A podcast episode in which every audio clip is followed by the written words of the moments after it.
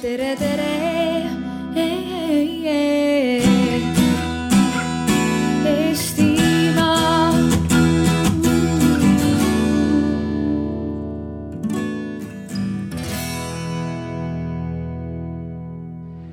nii, tere õhtust, head kuulajad. tore, et te tulite siia digitarkuse alale või jäite siia, paljud teid, teist jäid siia. järgmine teema siis kannab pealkirja kas tehnoloogia vähendab või suurendab keskkonna jalajälge ja meile juba siin äh, öeldi just hetk tagasi, et ühele poolele saab see teema väga keeruline olema. ma ei tea siis kummale, igatahes see teema on väga vastuoluline, et äh, tehnika, tehnoloogia ja, ja keskkonna nii-öelda seos. ühest küljest siis aitavad tehnoloogilised lahendused oluliselt vähendada reisimist, transpordi ja energiakulu. teisalt toodame siis iga päev andmeid juurde, mille hoidmiseks kasutavad pilveteenuse pakkujad ja serveriruumid üha rohkem energiat ja me ostame muudkui endale aina uut ja ägedamat tehnoloogiat, mille tegemiseks kulutatakse väärtuslikke ja taastumatuid looduse ressursse. kuidas siis aru saada, milline on meie jalajälg igapäevaselt telefoniga helistades e, emaili saates, filme striimides, fotosid tehes ja nii edasi. kes peaks võtma vastutuse, kas mina kui kasutaja või hoopis teenusepakkuja või kuidagi laiemalt peaks seda tegema ja millised on tulevikutrendid, kas tehnoloogia soodustab rohkem tarbimist või saame hakata oma seadmete eluiga pikendama, kasutama ringmajanduse ärimudelit ka elektrooniliste seadmete puhul. sellistel teemadel me täna arutleme ja mul on hea meel tervitada meie tänaseid eh, paneliste. kõigepealt Telia Eesti tehnoloogiajuht Andre Visse, tervist tere kõigile. Siis eh, noor keskkonnaaktivist eh, sellisest organisatsioonist nagu Fridays for Future, Kristin Siil. tere, siis osakeste füüsik, astrofüüsik ja kosmoloog, keemilise ja bioloogilise füüsika instituudi vanemteadur Andi Hektor tervist. ja keskkonnaaktivist ja poliitik, erakonna Eestimaa Rohelised juht Züleyxa Izmailova. tere, tervist ja mina olen äh, Kristo Elias, mina olen Eesti Rahvusringhäälingu ajakirjanik. aga kõigepealt küsime rahvalt, kes teist ei kasuta nutitelefone? kas kellegi, kas äh, tõstke, tõstke käsi, kes ei kasuta? kes ei saada emaile? kes ei äh, tee fotosid ja lae neid üles pilve või kuskile sotsiaalmeediasse? ja, või kes ei vaata videosid kuskilt Youtube'ist või Netflixist või ükstapuha kust kohast, netist. no ei olnud ühtegi tead, järelikult oi, sealt juba natuke tuli. no igatahes äh, see tähendab seda ja siit ka keegi ei tõstnud kätt ühegi asja puhul, et me oleme kõik ühed suured äh, keskkonnakoormajad juba ise asi, see on juba selge kui selge see on, seda me kohe saame teada, kas see kõik on hea või halb, et me seda teeme ähm,. Hakkame kõigepealt plusspoolest pihta. sellest küsimusest, kas tehnoloogia vähendab keskkonna jalajälge, et äh, oskate mulle mõne valdkonna nimetada, kus väga drastiliselt on äh, tehnoloogia kasutamine tehnolo-, keskkonna jalajälge vähendanud? näiteks äh, Andre noh, kust me pihta hakkame, et kui vaadata näiteks äh, maailma paberitootmise trende ja paberi kasutustrende, siis seal on küll selgelt näha langustrendi. ja, ja see kindlasti ei oleks võimalikuks saanud ilma tehnoloogia arenguta. ja, ja teine võib-olla niisugune trend, mida ma maailmas näen, on see, et on väga palju filantroppe tekkinud, kellele lähevad suured globaalsed teemad korda ja kes üritavad läbi tehnoloogiliste lahenduste leida nendele suurtele globaalsetele probleemidele lahendusi. et jõle raske oleks näha, kuidas me suudame, ma ei tea, maailmast näljahäda kaotada või, või äh, magevee probleemi kaotada ilma, et me tegelikult selleks ei kasutaks tänaseid tehnoloogilisi vahendeid. et noh, arvelauaga ilmselt oleks seda päris keeruline teha Kristin, Fridays for Future ja üldse sellised äh, kliimaaktivistid äh, omavahel on kokku saanud tihtipeale läbi, läbi tehnoloogia. Ja ei no muidugi see on hea point, et, et kui ei oleks tehnoloogiat, siis ma ei teaks, kes on, ütleme, Greta Thunberg, ma ilmselt ei saaks infot selle kohta, kuidas kliimamuutused toimuvad ja ma ei leiaks ka oma teed sinna Riigikogu ette selle vastu protesteerima. sest ma kasutan Google Maps'i onju, aga, aga minu nagu vastus küsimusele, kas see on halb või hea, siis ma nagu jään pigem selle poole, et see on halb, jah, meil on seda vaja paljudeks asjadeks, see teeb meie elu lihtsamaks. Aga vaadates äh, asju nagu keskkonna ja, ja siukse jätkusuutlikkuse pilguga, siis pikas perspektiivis oleks vaja tõmmata tagasi ja pigem nagu keskenduda lihttehnoloogilistele lahendut-, lahendustele, aga Pal muidugi ma ei ole ekspert. ja, aga palju sina näiteks üldse kliimamuutuste uurimisel äh, internetti või, või sellist tehnoloogiat kasutad? no see on peamine nagu viis, kuidas infot saada, palju lihtsam on, eks ju, otsida otsingumootori kaudu märksõnu, kui minna raamatukokku ja, ja kõiki neid, neid materjale läbi tuhnida seal, nii et äh, ma kindlasti kasutan seda. ja, ja praeguses, äh, noh, praeguses maailmas, praeguses ühiskonnas on peaaegu võimatu, kui sa tahad asjadega kursis olla, on peaaegu võimatu olla, on ju, ilma nutitelefonita või ilma internetiühenduseta. aga nii-öelda sellises ideaalses maailmas, kus ma tahaks elada, siis seal ei oleks seda vaja, sest sul on kõik kohalik, kõik, kõik toimib, nii et, et sul ei ole vaja tingimata äh, olla, olla ühenduses inimestega teisel pool maailmas, saad kohalikult kõik, kõik kätte, mis sul vaja on. Andi, teadus ja tehnoloogia on küll väga-väga tihedalt tänapäeval põimunud jah, kindlasti, et äh, noh, seal isegi seda piiri on natuke raske tõmmata. et kui sa mind kutsusid siia, siis äh, ma tükk aega mõtlesin selle peale ja ma muidugi ei mõelnud kohe digitehnoloogia peale. ja ma äh, lihtsalt mõte läks, kuna ma eelmine aasta pidin modereerima ühte üritust või ühte arutelu kus räägiti muldadest, siis mul nagu jäi meelde selline väga tore lause, et, et tegelikult kui me kasutaks sama, sama põllumajandustehnoloogiaid nagu kasutati keskajal, siis noh, siis meil ei oleks üldse metsa, sest me kõik maa kuluks põllu alla ja, ja hobuste, nii-öelda hobustele oleks vaja toitu hankida ja nii edasi. et tegelikult selles mõttes nagu tehnoloogia võib vähendada jala, jalajälge oluliselt. iseasi, kas me oleme nagu rahul sellega, et me tekitame tavaliselt tulid traktorid, hakkasid naftat põletama, et noh, selle ühe asja me päästsime nii-öelda, mõned metsad äh, päästsime, metsi on tegelikult praegu palju rohkem, kui oli keskajal, hiliskeskajal Eestis. Äh, aga teisest küljest me tekitasime jälle mingi muu asja asemele, tehnoloogiaga on nagu see, et ega, tehnoloogia ise on äh, keskkonna, mingis mõttes võib öelda keskkonnaneutraalne, ega tema ei te,, meie oleme need, kes kasutades tehnoloogiat võime keskkonna kahjustada või vastupidi, võime, võime keskkonda päästa. et noh, kui, kui ma hüppan nüüd, hüppame tänapäeva siis noh, ütleme, on ikkagi tehnoloogiaid, needsamad LED-lambid, mis siin põlevad, et teoreetiliselt need peaks ju naiivselt võttes meie jalajälge väga palju vähendama, sest LED-lamp võtab noh, üle kümne korra vähem peaaegu sada korda vähem elektrit kui, kui sama, samasugune hõõglamp. aga teisest küljest, kuna ta on nii odav ja ta võtab nii vähe elektrit, siis me riputame neid igale poole, et kui lähete Aasiasse, siis terved pilvelõhkujad on täis pandud neid. ja noh, lõpuks jõuame nagu teise äärmusse, et kuna ta on nii odav ja, ja teda on lihtne kasutada, me usume, et ta hoiab kokku, siis noh, paneme neid igale poole.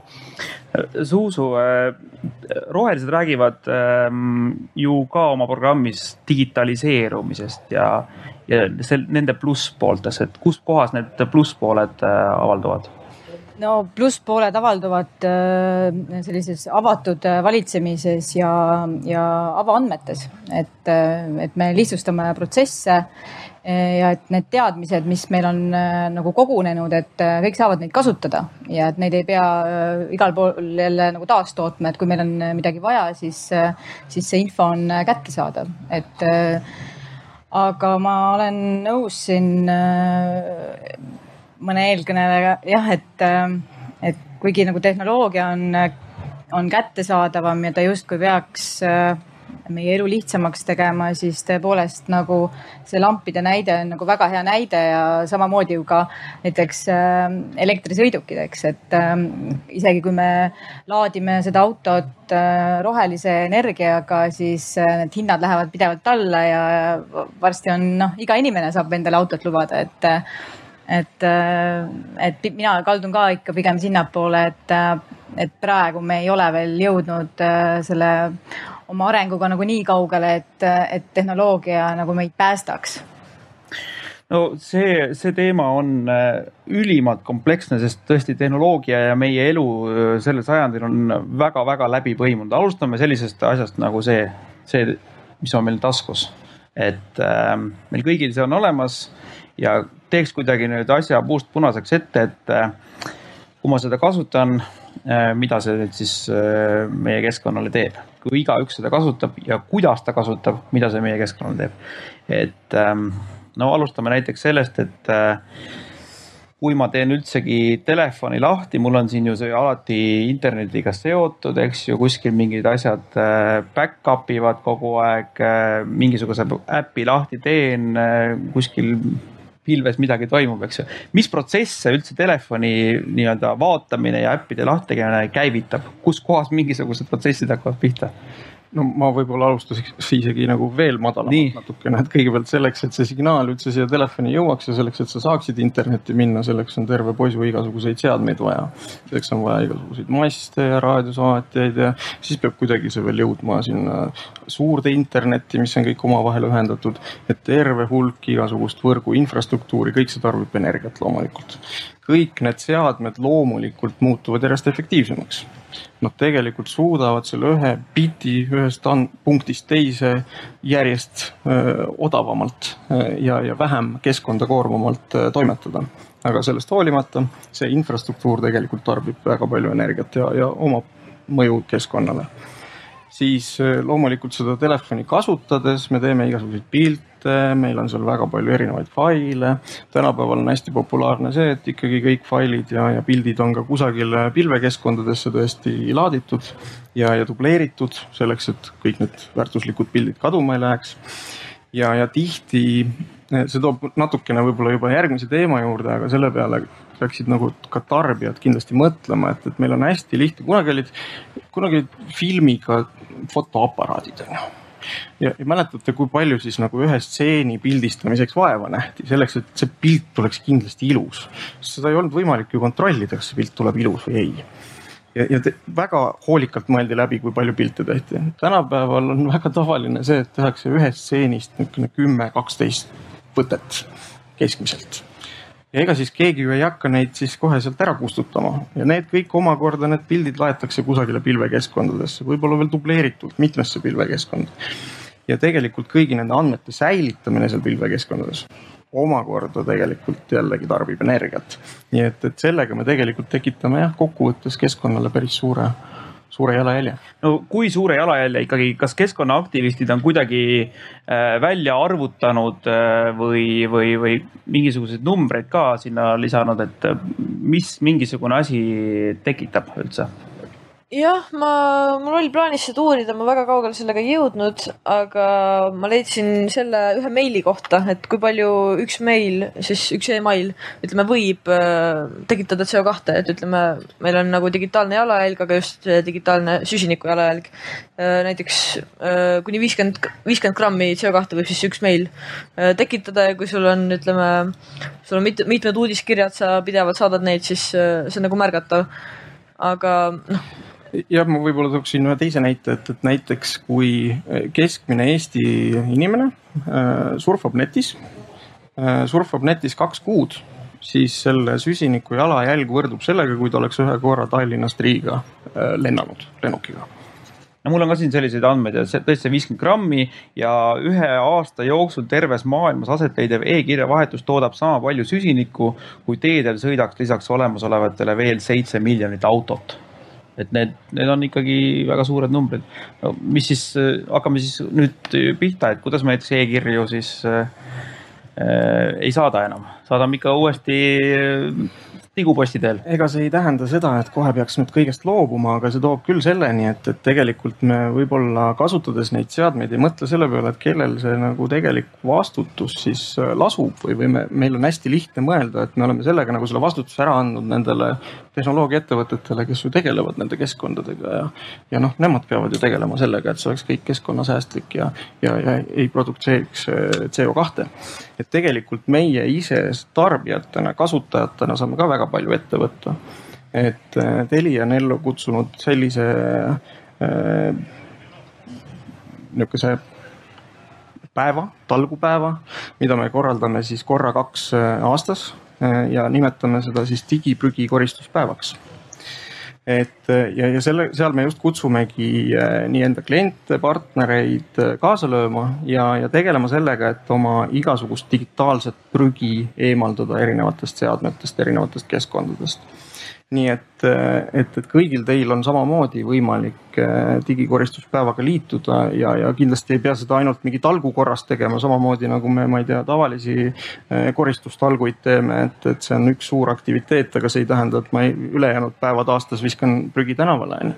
et, et kogu aeg tegelikult mõelda selle peale, et näiteks kui me oleme kusagile infokirja ennast kirja pannud, et meile tuleb regulaarne infokiri, kas me päriselt seda jälgime ka või me iga kord selle kustutame ära, isegi kui see selle seadmest ära kustutada, jääb sellest kusagile digitaalne jalajälg ja tegelikult juba see, et seda infokirja sinu seadmisse transporditi, tekitas mingi keskkonnakahju. nii et, et alustada väikestest asjadest, teeme enda asjad korda. räägime teisest poolest ka, et üks on selline jah, selline digitaalne prügi, aga ikkagi tehnoloogilisest prügist ka, et, et kui arendatakse uusi selliseid käegakatsutavaid tehnoloogiaid teaduses juba alustuseks, et kas, kas seda üldse mõeldakse, seda teist otsa, see on paljude toodetega niimoodi, toodete tootmisel, et kas seda teist otsa üldse hakatakse suure hurraaga arendatakse, tehakse veel kiiremaks, veel pise, pisemaks, veel kõik asjad kuidagi seal koos, aga mis see teine ots on, kas seda, kas seda mõeldakse teaduses, Andi? No üldiselt ega ei mõelda, et äh, kui, kui mingi uue tootega turu tuleb, siis tal on äh, nagu nii, nii palju sellega muu, muude asjadega tegemist, et ega ta selle peale väga ei mõtle, kui, kui teda just ei sunni äh, maksud näiteks. et selles mõttes maksud on väga hea meetod, kuidas noh, nii-öelda suunata ärimudeleid selliseks, et nad hoiaks nii-öelda energiat või ressurssi kokku. et selles mõttes nagu ütleme noh, mul ei ole head näidet võtta, aga kui ma, kui ma mõtlen mingit uut digiteenust välja, ma ei tea, mis iganes uue äpiga välja tulen, siis tegelikult ega, ega minul selle äpi loojana ongi väga raske nagu isegi mõõta või hinnata, et palju see kusagil ressurssi kulutab. sest tänapäeval see süsteem on ikkagi nii hajus, et kõik on nii laiali pudistatud, et ma tõenäoliselt noh, ühte äppi kasutades tegelikult kasutan tohutult palju teisi teenuseid, mis on kuskil laiali, ega, ega see vaene äpi tegija ei teagi, kui palju ta nii-öelda äh, süsinikku põletas selle ühe klikiga siia on jälle omast kogemusest hea näide tuua, et, et eelmisel aastal äh, me võtsime ette sellise asja, et me kaardistasime ära enda süsiniku jalajälje Telias. me oleme teenusettevõte ja me ise midagi ei tooda äh, aga me võtsime aluseks niisuguse protokolli või, või raamistiku nagu Greenhouse Gas protokoll, Scope kolm raamistik. see on maailmas üsna niisugune, ütleme üks väheseid äh, arvestatavaid raamistikke, mis võimaldab ettevõttel kaardistada siis kogu oma tegevuse jalajälje tõesti alates siis äh, igasugustest tarneahelatest, erinevatest partneritest kuni lõpetades siis ka klientide ja kliendi juures olevate seadmete ja, ja, ja teenustega, mida siis teenusepakkuja või, või klient või, või ettevõte pakub. ja, ja selle tulemusena tegelikult me jõudsime sellesse, et kohta, kus me saime aru et, et äh, üheksakümmend seitse protsenti meie digitaalsest jala või äh, keskkonna jalajäljest asub tegelikult väljaspool meie ettevõtte piire. ehk siis tarnijad, tootjad, kes meile mingeid seadmeid tarnivad, nende seadmete kasutus eluea jooksul, kõik see tegelikult ei ole nagu meie otsese kontrolli all. ja sealt me tegelikult jõudsime ka selleni, et, et kui meie eesmärk täna on äh, viia oma süsiniku jalajälg nulli nii et me ei koormaks keskkonda, siis meil ei ole seda mitte midagi, kuidagi võimalik iseseisvalt ainult üksi teha. ja, ja selleks me tegelikult igasuguseid erinevaid aktsioone kutsumegi ellu ja kaasame enda partnereid, kaasame kliente, kaasame nende teenuste tarbijaid. me peame üheskoos tegelikult selleni jõudma. no räägime nüüd sellest tõesti sellest, nendest eesmärkidest, et, et noh kui kunagi internet loodi, ütleme, internet on suur vabaduse kants, eks ju, eh, seal saab, sai kõike teha ja see on lõputu maailm ja arenes meeletu tormise kiirusega. siis ei mõeldud, et see läheb nagu nii hulluks, et see varsti koormab ikkagi Äh, väga suure meie süsiniku suure osa süsiniku eritusest, eks ju, et äh, kas poliitikas peaks hakkama siis nüüd äh, panema piiranguid sellele, kuidas meie IT-maailm, internet areneb? No selles mõttes, et poliitikal ja poliitikutel on ju tõepoolest suur võim nagu ka suurtel ettevõtetel, et ähm, et seal, kus on äh, raha ja seal, kus äh, tehakse suuri otsuseid, et äh, seal on tavaliselt ka need vastused olemas. Aga kas, kas neid alati tahetakse kasutada, et kui, kuivõrd populaarsed on sellised otsused, et me hakkame midagi piirama, et me teame küll selliseid riike, mis piiravad oma, oma elanike internetikasutust et mina sellist teed minna ei tahaks, aga kui kuulasin teid siin, siis need asjad, millest te rääkisite, et see kogu aeg tuletas meelde mulle seda, et äh, sellist terminit nagu äh, aeglane elustiil, et äh, et mis ei tähenda seda, et me peame nagu aeglased olema või et me peame minema metsa elama, aga aga see vastus tegelikult ju peitub selles, et, et me ei peaks oma jalajälge äh, vähendama mitte ainult nagu äh, digiteenuste ja, ja sellise tehnoloogia tarbimisega, vaid, äh, vaid ka teiste, teistesse asjades, et, et võib-olla meil ei pea olema alati see viimase margi nutitelefon ja, ja, ja me peamegi hakkama vaatama tõepoolest rohkem sinna, et kuidas me saame neid kestvustooteid hakata tootma ja see, siinkohal on küll poliitikutel väga suur äh, mõjuvõim. Ja ma tegelikult loodan, et, äh, et ka see äh, roheline kokkulepe, mis meil on Euroopas, Euroopa Komisjoni poolt loodud, et, et ka see aitab ka Eestit selles mõttes nagu järgi, et me oleme küll harjunud praegu noh, nagu keskkonna mõttes laristama, sellepärast et meil on veel, mida kulutada nagu just looduse mõttes ja et me lõpuks äh, jõuame siis nagu Euroopa abiga ka sinna, et me hakkame rohkem kokku hoidma ja optimeerime oma, oma tarbimist. Kristin, äh, jah, sõna. ja selle juurde käib see tore termin äh, nimega tasaareng ehk siis, et noh, mulle nagu, mulle hästi meeldib see, kuidas tegelikult nagu noorte just keskkonnaaktivistide nagu seltskonnas on ka hästi palju seda või nagu ma ei tea, kas, ma ei tea, kuidas nagu ülejäänud noortega on, aga meil on küll nii, et nagu me ei taha elada linnas, me ei taha neid nutitelefone, me tahame päris, me läheks metsa elama nagu vabalt ja me elaks nagu rahulikult, eks ju. me ei pea lugema iga päev, iga hetk nagu esimesi uudiseid, meil tuleb, ma ei tea, ajaleht tuleb nagu kord nädalas, see on tegelikult täitsa tore ja, ja kui vaadata seda, et et et miks me neid tehnoloogiaid tahame, siis meil, meil on nagu kuidagi tunne, et need peaks nagu tegema meid õnnelikumaks või siis meile reklaamitakse, et nad teevad meid õnnelikumaks ja need pakuvad meile midagi. aga kui, kui vaadata seda, et, et mis on nagu eluga rahulolu uuringud näitavad, siis need ei tõuse äh, koos mingi SKT kasvuga, need ei tõuse siis, kui meil on rohkem asju. tõusevad mingi piirini ja siis nad jäävad tasaseks.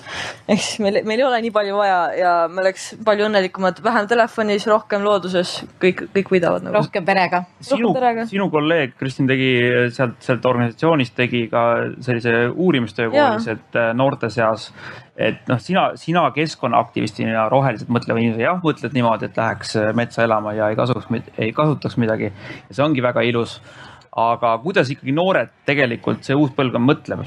Mina ei oska öelda, kuidas nad mõtlevad. ja see oli hästi huvitav, see oli jah, Maris Ahvre, kes tegi oma kooli siis Tallinna Saksa Gümnaasiumis äh, uurimistöö teemal, noh, kas, kas noored on üldse teadlikud sellistest terminitest nagu digitaalne jalajälg ja, ja kõik see ja kas nad oleks valmis mingeid muutusi tegema, kas nad oleks äh, valmis näiteks kasutama teist otsingumootorit Google'i asemel Ecosiat või midagi sellist, kas nad oleks nõus äh, oma meili prügikasti vähendama ja, ja, ja sealt tuli välja nagu see, et nad ei olnud väga teadlikud, aga tegelikult nelikümmend kolm protsenti inimestest ütles, et nad on valmis midagi muutma.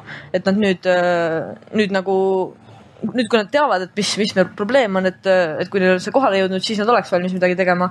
ja, ja see on nagu see, mis annab natuke lootust, et, et kui äkki ikkagi, et kui, kui me harime ja kui me ikka suurendame teadlikkust, siis äkki see jõuab ikka piisavalt paljude inimesteni ja, ja piisavalt palju inimesi tahavad seda muutust aga samas mul on tunne küll, et see on üsna nagu niši asi ja enamik nagu noh, mis mõttes nagu mul on telefoni vaja, ma tahan nagu Instagramis likee saada, mind ei, mind ei koti absoluutselt, onju. aga ma ei tea, mingi lootus mul nagu on veel. no And-, Andre, ega tehnoloogiafirmad ei taha ka ju aeglast elustiili või tahavad? tahaks ju ikkagi rohkem müüa paremat ja uuemat ausalt öeldes äh, me ei tegeleks selle temaatikaga, kui, kui ma saaksin sellele üheselt öelda, et äh, jah, ei, me ei taha aeglast elustiili. Meie mõte ongi selles, et tegelikult kõike peab tarbima mõõdukalt ja tegelikult teadlikkuse kasv ühiskonnas on ülioluline. kaasamine on ülioluline ja see on meie missioon ka täna.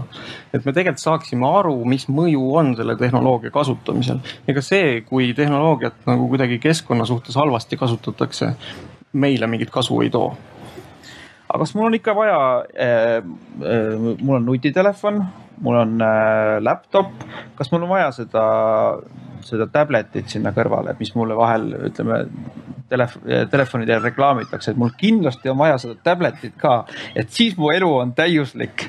ma ei ütle, et see on teie firma, aga, aga seda reklaamitakse, et kas, kas kas saaks ikkagi tehnoloogiafirmade poolt ka seda tarbimise teemat natukene kuidagi vähendada, aga see läheb ikka vastuollu äri, äri tegelikult ei lähe ja kui vaadata ka nagu tänapäeva trende, siis tegelikult taaskasutust ka tehnoloogiafirmad väga palju äh, propageerivad ja, ja ka meil on vana uueks kampaaniad, tule too oma vana seade meile, me utiliseerime selle, taaskasutame seda. samamoodi, ma ei tea, koduseid ruutereid me taaskasutame, et me ei tule too sulle alati pakendist uut, vaid me võtame kuskilt vana kliendi seadme. aga hästi tihti tegelikult me kohtame seda, et tarbija ei ole selleks valmis kui me lähemegi selle natukene kasutatud ruuteriga, mis tegelikult on sama hea kui see uus, ta teeb selle töö täpselt sama hästi ära. siis ikka tarbija vaatab niisuguse natuke pika pilguga, et kurat, aga miks sa selle vana asja mulle siia tõid, onju. kurat, aga mm. äkki see uus oleks olnud parem, et. aga teeks juba ikkagi, Andi, sellised asjad, mis on juba hõlpsalt taaskasutatavad ah?? Äh, jah, sellega on äh, jällegi tegelikult meil, äh, kui ettevõte teeb uut asja, uut toodet, siis ega keegi talle ju ei, noh, ta teeb seda, nagu ta kõige paremini oskab ja ta peab, ta teab, et ta peab võistlema turul teiste toodetega. seega, kui ta teeb sellise asja, mis noh, ma olen alati öelnud, et alati, kui teha kodu pesumasin, nõudepesumasin titaanist ja, ja väärtuslikest äh, materjalidest nii-öelda, siis ta oleks igavene. ma võiks enda nõudepesumasina pärandada oma lastele, tema pärandaks lastelastele ka veel. et see on võimalik, et aga lihtsalt on äh, võib-olla kolm korda kallim ja tegelikult ta võib-olla oma elueaga isegi teeniks selle tagasi. aga inimene peab ühe korraga nii suure summa välja käima ja noh, see paneb teda mõtlema. ja noh, muidugi see, äh, see, mis on ega see, mis on roheline, ütleme, millel on väike keskkonnajälg ja see, mis ei ole, seda on väga raske mõnikord ka nii-öelda intuitiivselt aru saada, et siin oli jutt maal elamisest või metsas elamisest. et tegelikult, kui me tänapäeva inimesi vaatame, kui sa elad maal, siis on sinu jalajälg keskkonnale suurem kui linnas elades, sest sa lihtsalt paratamatult inimene tahab elada sama mugavalt või noh ta tahab liikuda, ta liigub, maal on tal rohkem ruumi liikuda, kulutab rohkem tegelikult bensiini. Äh, tal on tõenäoliselt suurem maja maapiirkonnas elades ja nii edasi ja nii edasi, et tegelikult äh, noh, Ameerika Ühendriikide statistika näitab väga ilmekalt, et tegelikult maal elades on jalajälg palju suurem. Eestis ma ei tea, mul ei ole seda äh, peas, aga, aga ma oletan ka, et Eestis see ei erine tegelikult väga oluliselt.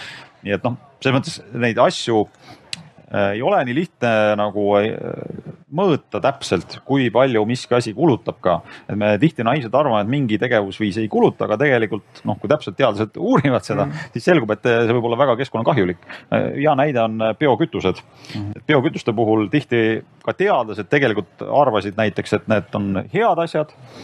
aga noh, osutus näiteks, et mõned biokütused võivad olla väga kahjulikud keskkonnale no,, seesama kurikuulus palmiõli näiteks.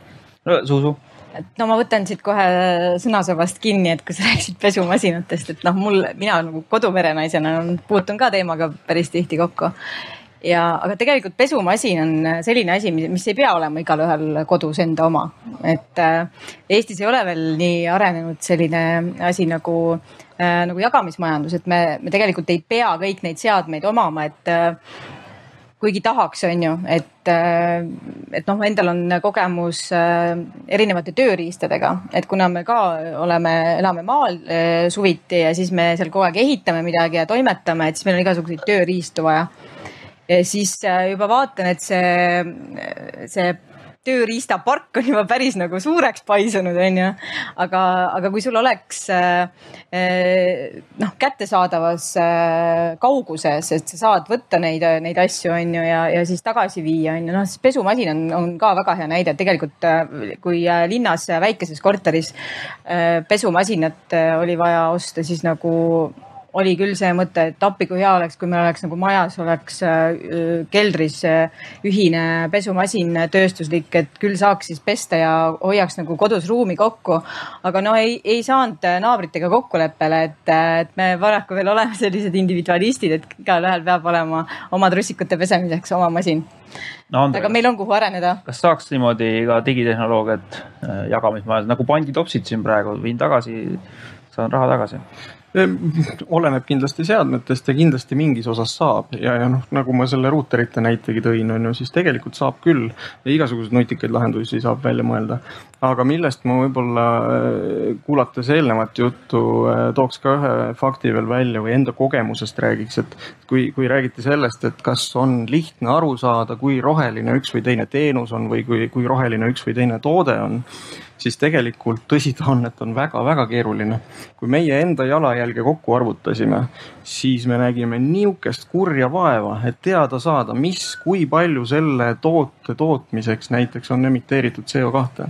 Sest tegelikult puudub igasugune regulatsioon, keegi seda ei, tootjatelt otseselt ei nõua, need tootjad, kes ise on selle välja arvutanud ja seda infot avalikult välja annavad, need annavad, kes ei anna, need ei anna. näiteks meil oli väga hea näide. Ma arvan, et ligi ilmselt pooltel teil äkki on Apple'i telefonid siin. Äh, Apple lihtsalt ütleb, et nemad ei anna välja konkreetselt äh, enda seadmete CO2 jalajälge täpselt me saame teha ainult mingeid kaudseid arvutusi. no vot, see on küll nagu üks koht, noh, kus võib-olla ettevõtjana on nõme öelda, on ju, ükski ettevõtja ei taha, taha ühtegi regulatsiooni, on ju. aga, aga kus tegelikult võib, peaks olema mingi regulatsioon. sama, et nagu kui, kui me võtame toiduaineid, me olime nagu jumala harjunud sellega, et toiduainepaki peal ei ole kirjas, mis, millest see koosneb mm. -hmm. Kui seda hakati nõudma, nüüd me küll vaatame, et kas, kui palju seal suhkrut on ja, ja, ja kui palju seal erinevaid E-sid on ja et kas me siis tahame seda võtta või ei. aga kui tarbijana mul ei ole isegi võimalik nagu valida, ma, ma ei tea tegelikult. aga millest need pihta hakkavad, kas peab ikkagi, kas see läheb sealt, et rohelised saavad võimule või inimesed ise muutuvad äh, nii keskkonnateadlikuks, et nad hakkavad seda nõudma, kust, kus see nagu esimene ots on? No ma, kui lubate, ma vastan esimesena, et, et see on see küsimus on ju, et kes siis nagu vastutab. mina arvan, et, et kõik need kolm poolt äh, saavad koos vastutada, me ei saa kogu vastutust äh, tarbija peale lükata ja me ei saa oodata ka seda, et, et ettevõtted hakkavad ise siin tegutsema, eks ja Äh, mingi nagu äh, sund peab selleks olema, aga kui need kolm äh, osapoolt ehk siis nagu siin, siinkohal siis nagu tarbija, ettevõtja ja, ja siis äh, otsustajad, poliitikud äh, lepivad kokku, et meie ühiskond ongi nüüd selline ja me tahame, sest me tahame elada äh, sellises maailmas, kus, kus meie lastele ja lastelastele jääb ka metsa ja puhast vett. et siis, siis me saamegi neid, neid otsuseid niimoodi teha ja, ja ikkagi kõik peame vastutama ma korra ütlen vahele, et, et seal, seal on üks väike probleem, et me ei, me ei saa nagu Eestis üksinda seda otsustada, et maailm on avatud. seega tegelikult noh, mis on nagu Euroopa Liidu puhul hea, et selle, sellele otsusele peab nagu alla kirjutama hästi suur piirkond ikkagi.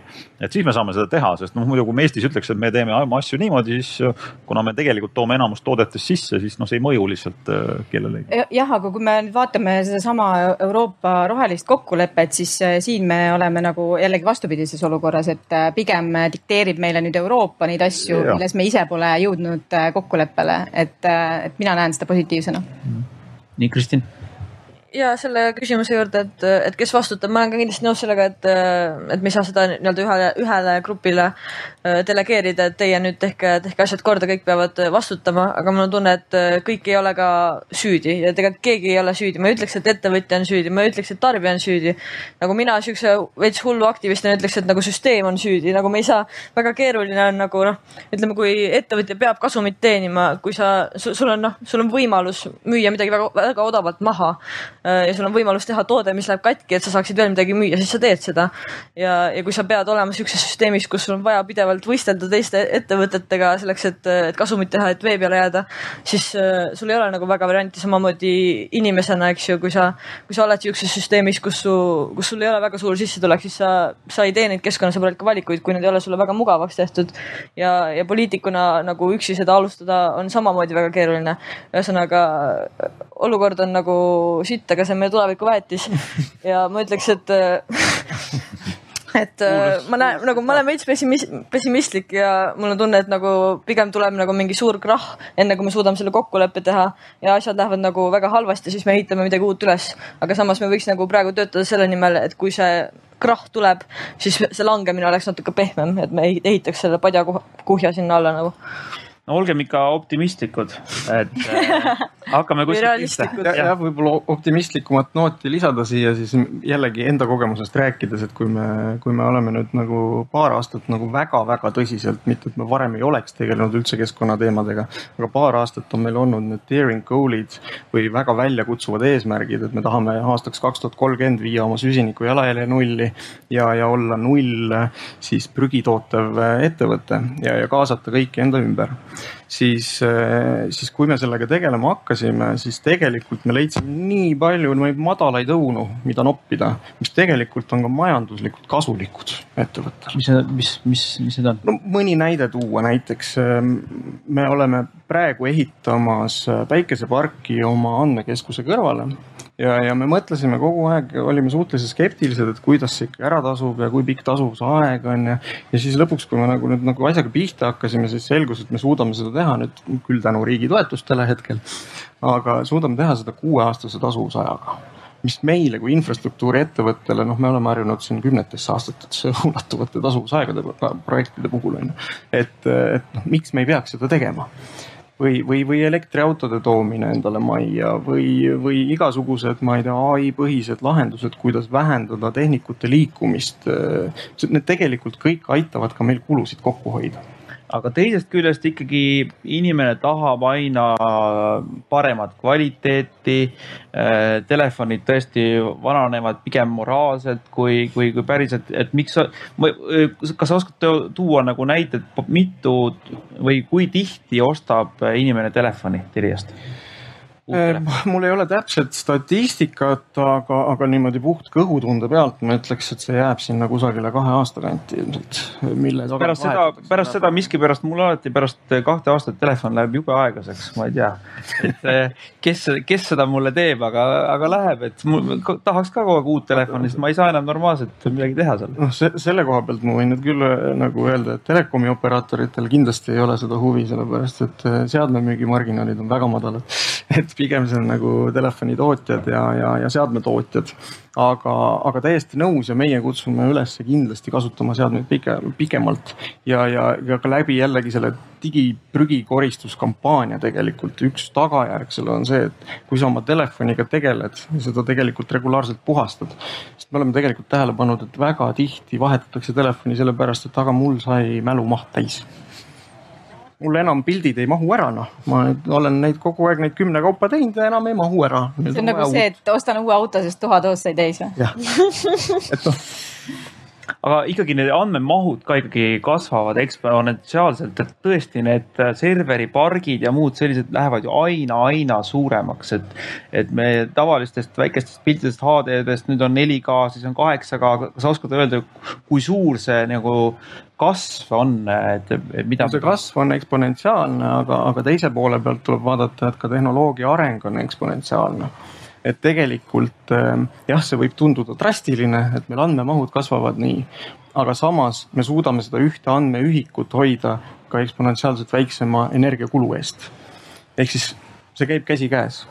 aga jah, tõsi ta on, et, et tegelikult energiavajadus, mida kõik need pilvekeskkonnad vajavad maailmas, kasvab metsiku kiirusega ja, ja ennustus on, et kogu viiendik kogu äh, energiatarbimisest maakeral on, on siis nagu nende andmekeskuste päralt aastaks kaks tuhat kakskümmend viis. No kas äh, teadlased, Andi, ikkagi mõtlevad selle peale ka, kuidas me vaikselt hakkaksime iga uue tehnoloogia asjaga ka keskkonna jalajälge vähendama sealjuures, kas see on nagu, et varasemalt see ei ole olnud nii, et noh, aga kas see on, läheb sinna suunda? no ta kindlasti läheb, selles mõttes, et ega teadlane on samamoodi nagu ühiskonna ohver nagu kõik inimesed. et kui ühiskond, süsteemi ohver. jah, jah, nimetame seda süsteemiks, et, et tegelikult noh, ega see on noh, ma ei taha niimoodi öelda, aga mõnes mõttes äh, inimene on nagu moevooltori mõnes mõttes, et me ju äh, ostame riideid selle järgi, mis on moes või noh, mis on kombeks meil ühiskonnas kanda, et me ei äh, noh me teeme seda selle, me ei mõtle selle peale, me teeme seda tegelikult. et kui selline keskkonnahoidlik elustiil saab nagu moodsaks, siis me tegelikult järgime seda ilma noh, võib-olla ise tähele panemata isegi. et samamoodi teadlased, et kui nad noh, mõtlevad äh, uusi tehnoloogiaid välja, siis noh, nad hakkavad alateadlikult järjest rohkem mõtlema, et kuidas, kuidas seda teha nii-öelda keskkonnasõbralikumalt. Et... ja, ja ma võiks siia lisada, et tehnoloogiasektoris on küll keskkonnahoid moodne täna et kui vaadata maailma suuremaid tegelikult tehnoloogiaettevõtteid, siis noh, naljalt ei leia ühtegi, kus ei oleks oma keskkonnaagendat. ja, ja see ei ole sellepärast, et ma ei tea, riik on survestanud või surunud, vaid see pigem tuleneb sellest, et see on tarbija ootus, see on ühiskonna ootus, see on mingi isiklik vastutustunne. pluss, olgem ausad, ka tegelikult kapital muutub rohelisemaks ja ka sellest on väga palju räägitud. raha liigub sinna, kui sa tegelikult näitad, et sa hoolid ja sa tegeled et, et äh, see kõik on seotud. Kristin. jah aga mina kardan seda, et see, see mood ei liigu nagu piisavalt kiiresti sinna, et äh, noh, ongi, meil on, ütleme, poliitikutegijad, meil on aktivistid, meil on ettevõtjad, kes seda eest, eest veavad ja seda sinna nagu sinna, sinna suunda mudivad, onju. aga noh IPCC või teadlased ütlevad, et meil on äh, kümme aastat äh, vähendada kogu planeedi süsiniku emissioone viiekümne protsendi võrra, et meil oleks kuuekümne kuue protsendiline võimalus jääda alla ühe koma viie kraadi soojenemise. ja kui me selle ületame, siis me ei saa seda enam tagasi tõmmata ja arvestades seda, et seal ei ole veel paljusid faktoreid sisse arvestatud sinna kalkulatsiooni, siis meil on nagu väga vähe aega ja ma ei jaksa nagu mingit moodi ära oodata. et nagu kuidagi nagu tahaks, et need asjad kiiremini läheks sinna. kui teie teete neid kliimastreike reedeti ja, ja muidu ka. et kas teie nagu mõtlete sellise tehnoloogia keskkonnajalajälje vähendamisel ka või on ikkagi seal muud asjad on esmajoones? no ses mõttes kõik on nagu tehnoloogia, et nagu puu, puukirves on ka tehnoloogia iseenesest, aga põlevkivi kaevandamine on ka tehnoloogia ja see on nagu see kõige, kõige kuumem teema hetkel. aga ma mõtlen just seda, et näiteks nojah, aga ma mõtlen äh, kitsamalt äh, digitaalne tehnoloogia mm. ja näiteks see, et kas sa teed äh, kontserdil äh, äh tuhat pilti ja videot ja laed need kõik ülesse või ei tee et kas see teema on teil ka kuidagi äh, nii-öelda arutusel? ja nagu meie endi seas, noh, kes nagu kohal käivad, kes iga, iga päev, iga nädal mõtlevad nende asjade peale. Äh, mina samuti nagu ma ei, ma ei klõpsi neid pilte väga, ma pigem olen nagu kohal, ma saan sellest mingi elamuse, võib-olla teen ühe pildi pärast, kustutan kõik ära. ma ütleks, me oleme üsna, üsna eeskujulikud sellega, aga ongi see, et, et kuidas haarata neid teisi inimesi kaasa sellega tulema, sest et sellest ei piisa, kui, kui mingi kümme inimest läheb koopasse elama, on ju, kui ülejäänud reostab edasi Zuzu, kas räägime jälle poliitikast ka natuke, sul varsti hakkab ka peaministrikandidaatide debatt, et, et kas digitaalne, digitaalse keskkonna jalajälje vähendamine on ikkagi poliitikas ka teemaks erinevatel erakondadel või, või no, ei ole see üldse teema? ma ei ole kõikide erakondade nüüd programme lugenud, kui aus olla, et enne valimisi ikka olen vaadanud, aga, aga ma ei ole nagu märganud vist äh, seda, et äh, muidugi ma vabandan, kui ma kellelegi liiga teen, aga, aga eks see küsimus äh, siin Eestis on nagu üldse selles mõttes nagu uus, et äh, et äh, kuigi ma olen siin mitu korda juba ka maininud seda Euroopa rohelist kokkulepet, siis, äh, siis nüüd kuulates, mida Kristin ütles, et, et tõepoolest äh, meil ei ole, meil ei ole nii palju aega, et äh, ka seesama kokkulepe ütleb meile, et aastaks kaks tuhat viiskümmend on ju, me oleme äh, äh, siis süsinikneutraalsed, aga meil ei ole nii palju aega, et ma ei tea, kui vanad te olete kolmekümne aasta pärast on ju, aga no mina olen ka siis juba päris vana, et ma ikkagi tahaks nagu seda, seda tulemust juba varem näha, et, et et kui rääkida meie parteidest, siis äh, siis seda on nagu läbi käinud küll, ma olen viimasel ajal nagu seda kuulnud, et aa, et nagu milleks üldse rohelisi on vaja, on ju, et, et see rohelisus on ju juba igale poole sisse kirjutatud ja et me niikuinii peame neid asju tegema, et see on nagu siililegi selge. aga nagu vaadake, me ei tee ju, et me ei tee neid asju, et, et, et selleks on, ongi rohelisi vaja, et, et, et ka teised hakkaksid kiiremini tegutsema. aga kas ikkagi selline äh, äh, tehnoloogia noh, ma ei tea, kas süüdistamine, aga liigse tehnoloogia kasutamise ja, ja sellise propageerimine nii-öelda vastu, vastu propageerimine muudab nagu inimesed tehnoloogia vaenulikuks, et tehnoloogia, mis meid on nii palju aidanud äh,, äh, muutub selliseks viha, vihavaenlaseks ja, ja jällegi viib meil muud elualad äh, nii-öelda miinusesse, et noh, et äh, see, millest me saime kasu, me hakkame seda nii-öelda vältima ja võitlema selle vastu ja siis äh, meie majandus kiratseb selle. mina, mina arvan, et meil selles mõttes meil ei ole tehnoloogi, tehnoloogilises mõttes meil ei ole nagu tagasiteed, et me ei saa oma nagu arengut peatada.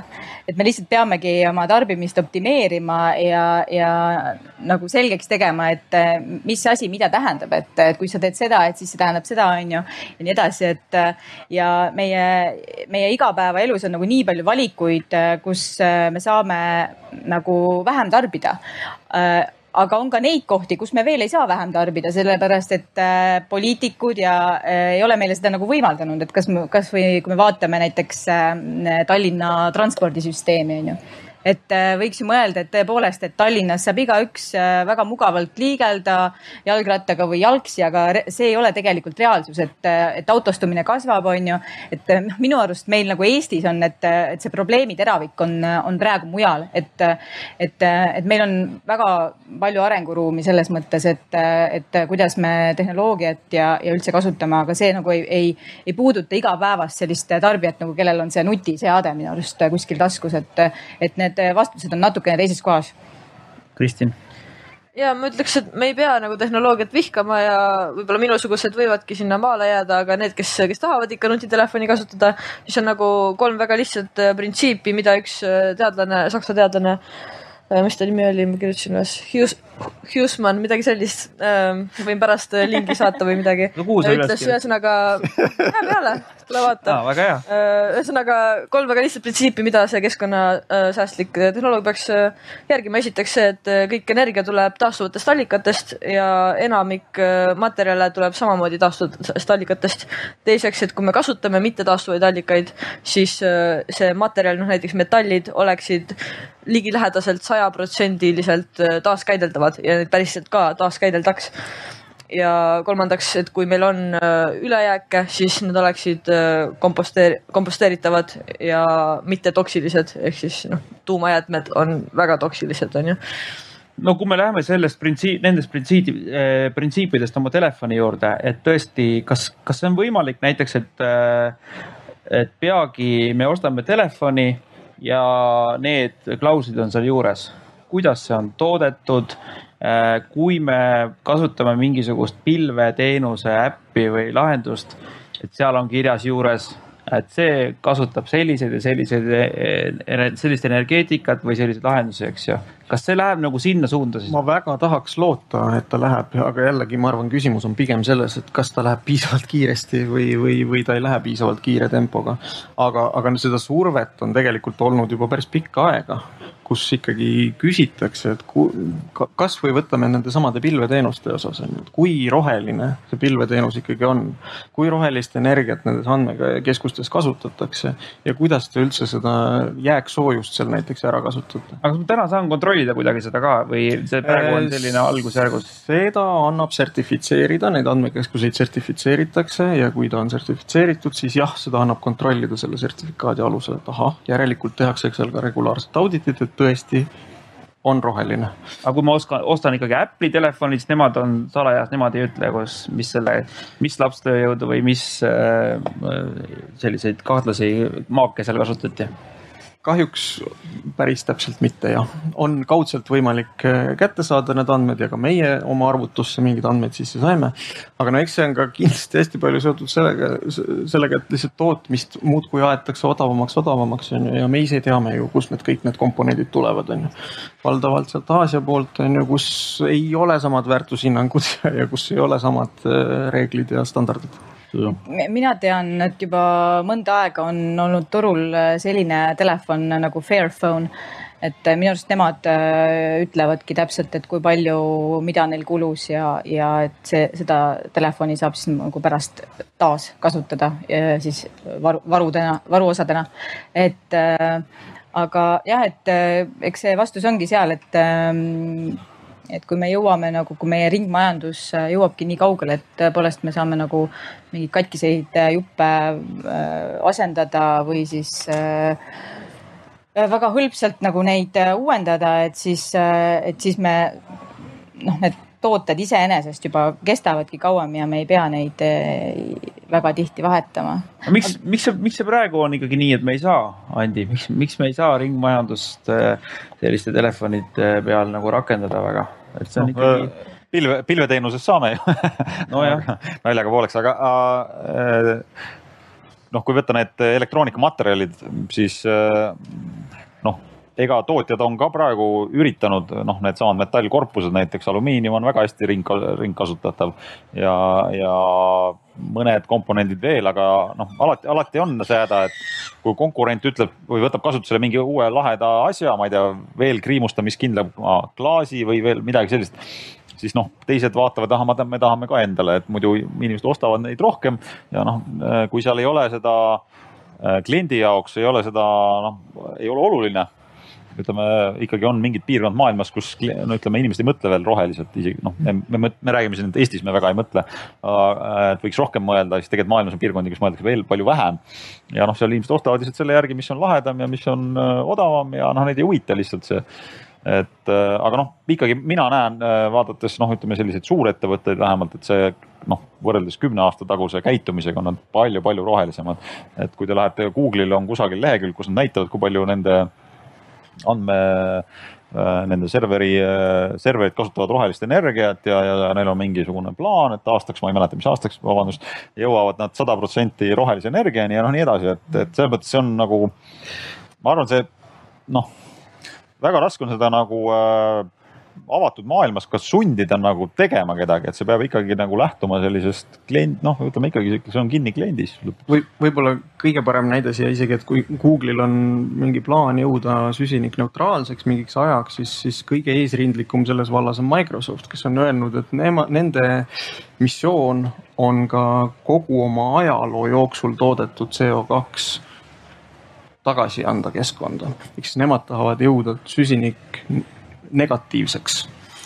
Et äh, aga, aga noh, mida hästi tihti nagu tehakse ja, ja kuhu meie, meie oleme nagu otsustanud Teliana, et meie kunagi sinna ei lähe, on see, et tegelikult ettevõtted ostavad endale justkui indulgentse ostavad endale CO2 kvooti ja sellega viivad ennast nagu siis nagu süsinikneutraalseks. ja ma tahtsin jõuda ka. rahaga saab kõike. ja ma tahtsin öelda ka selle, jõuda selle rohepesu teema, et äh, see on ka nüüd ikkagi iga, igas asjas kinni, et äh, ka tehnoloogias, et, äh, et kuidas seda teemat nagu välistada, et Ähm, kontrollida, et, et see on õige jutt, mis, mis, mis, mis me räägime, eks ju. kasvõi Telia puhul, eks ju, et, et see on turunduslikult jah, tõesti ühiskond läheb sinnapoole ja see on turunduslikult nii-öelda in, seda saab äh, nii-öelda kasutada turunduses.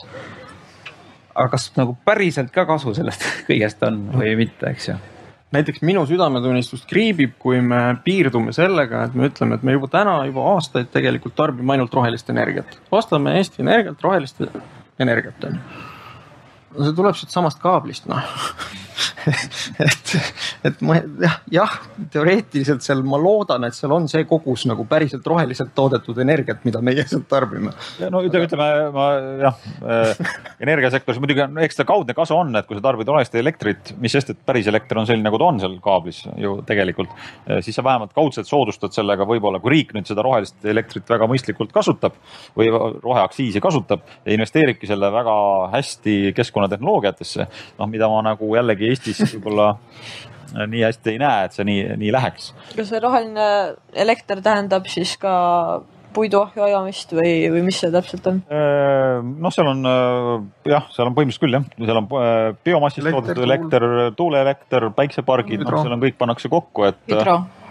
jah, hüdro, aga no hüdro on nii väike Eestis, no mm -hmm. noh, Norra, Norra hüdro ka muidugi jah ja. mm. -hmm. et kui ma ikkagi ostan tehnoloogiat täis äh, supermasina Tesla, kas see on ju ka välja arvutatud, arvutatud, et äh, kui roheline see Tesla siis ikkagi on?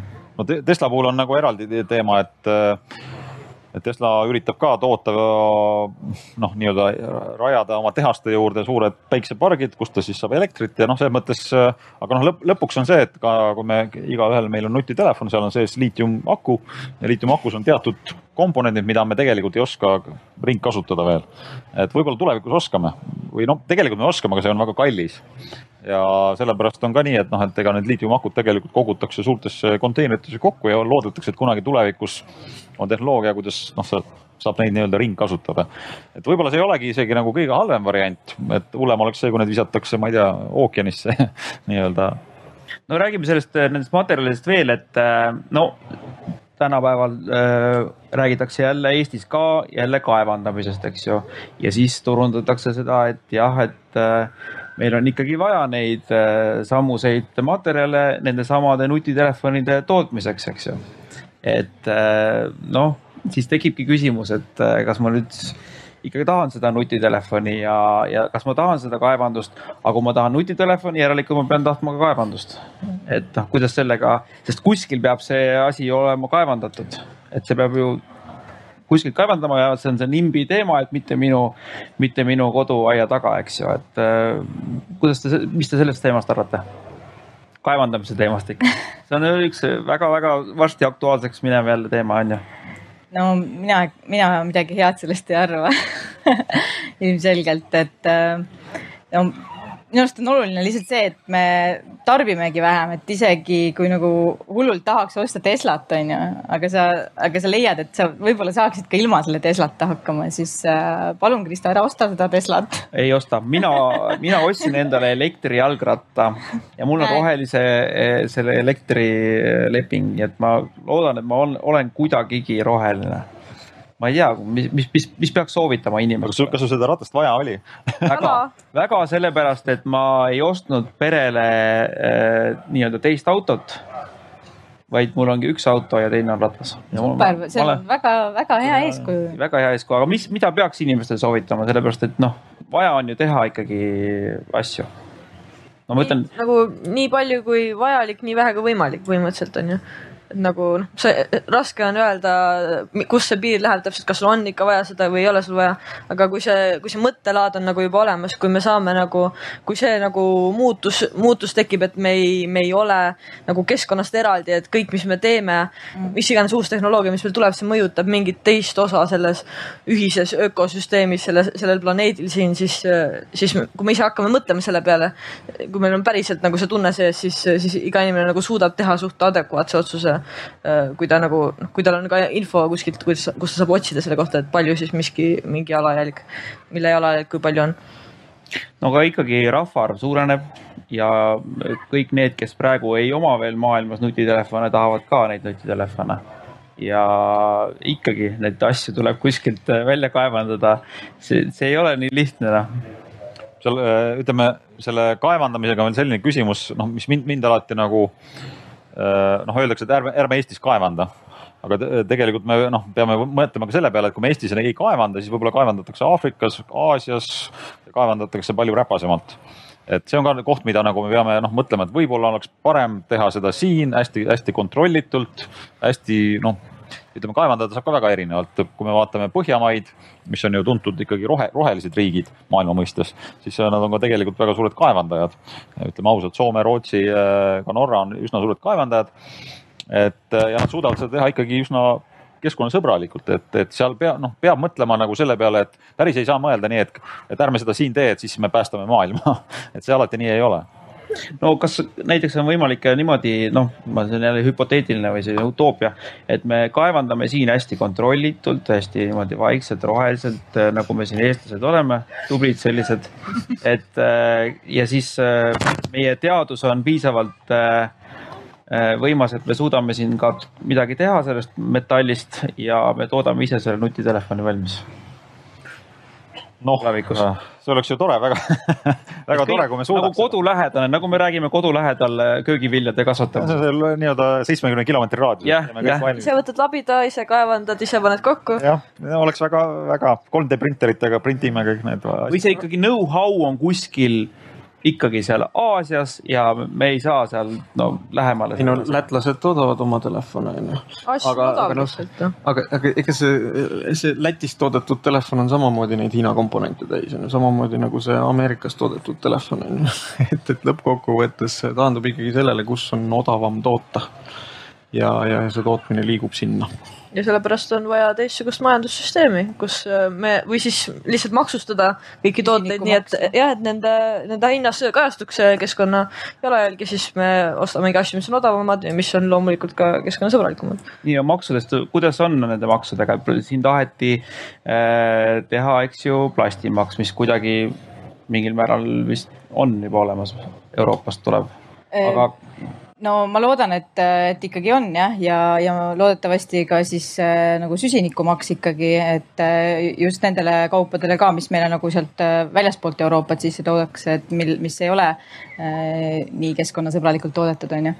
et äh, aga, aga kui äh, tulla korraks nagu nende, selle poliitika juurde tagasi, on ju, siis äh, mina nagu tahaksin äh, poliitika ei ole tegelikult selline asi, millega ma hullult tahaksin tegeleda iga päev, on ju, et äh, ma oleksin Mina väga rõõmus, kui keegi nagu need õiged otsused ära teeks, on ju, ja siis me saaksime seal maal olla, oma tomateid kasvatada, on ju, ja meil ei oleks vaja neid telefone, et äh, kogu aeg seal petitsioone allkirjastada ja, ja inimesi meeleavaldusele kutsuda, on ju.